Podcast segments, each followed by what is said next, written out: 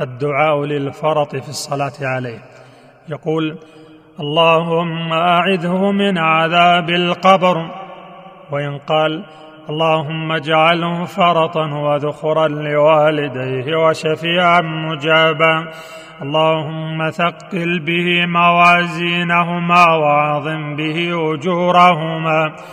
والحقه بصالح المؤمنين واجعله في كفالة إبراهيم وقه برحمتك عذاب الجحيم وأبدله دارا خيرا من داره وأهلا خيرا من أهله.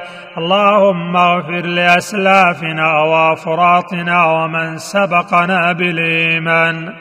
فحسن ويقول اللهم اجعله لنا فرطا وسلفا واجرا.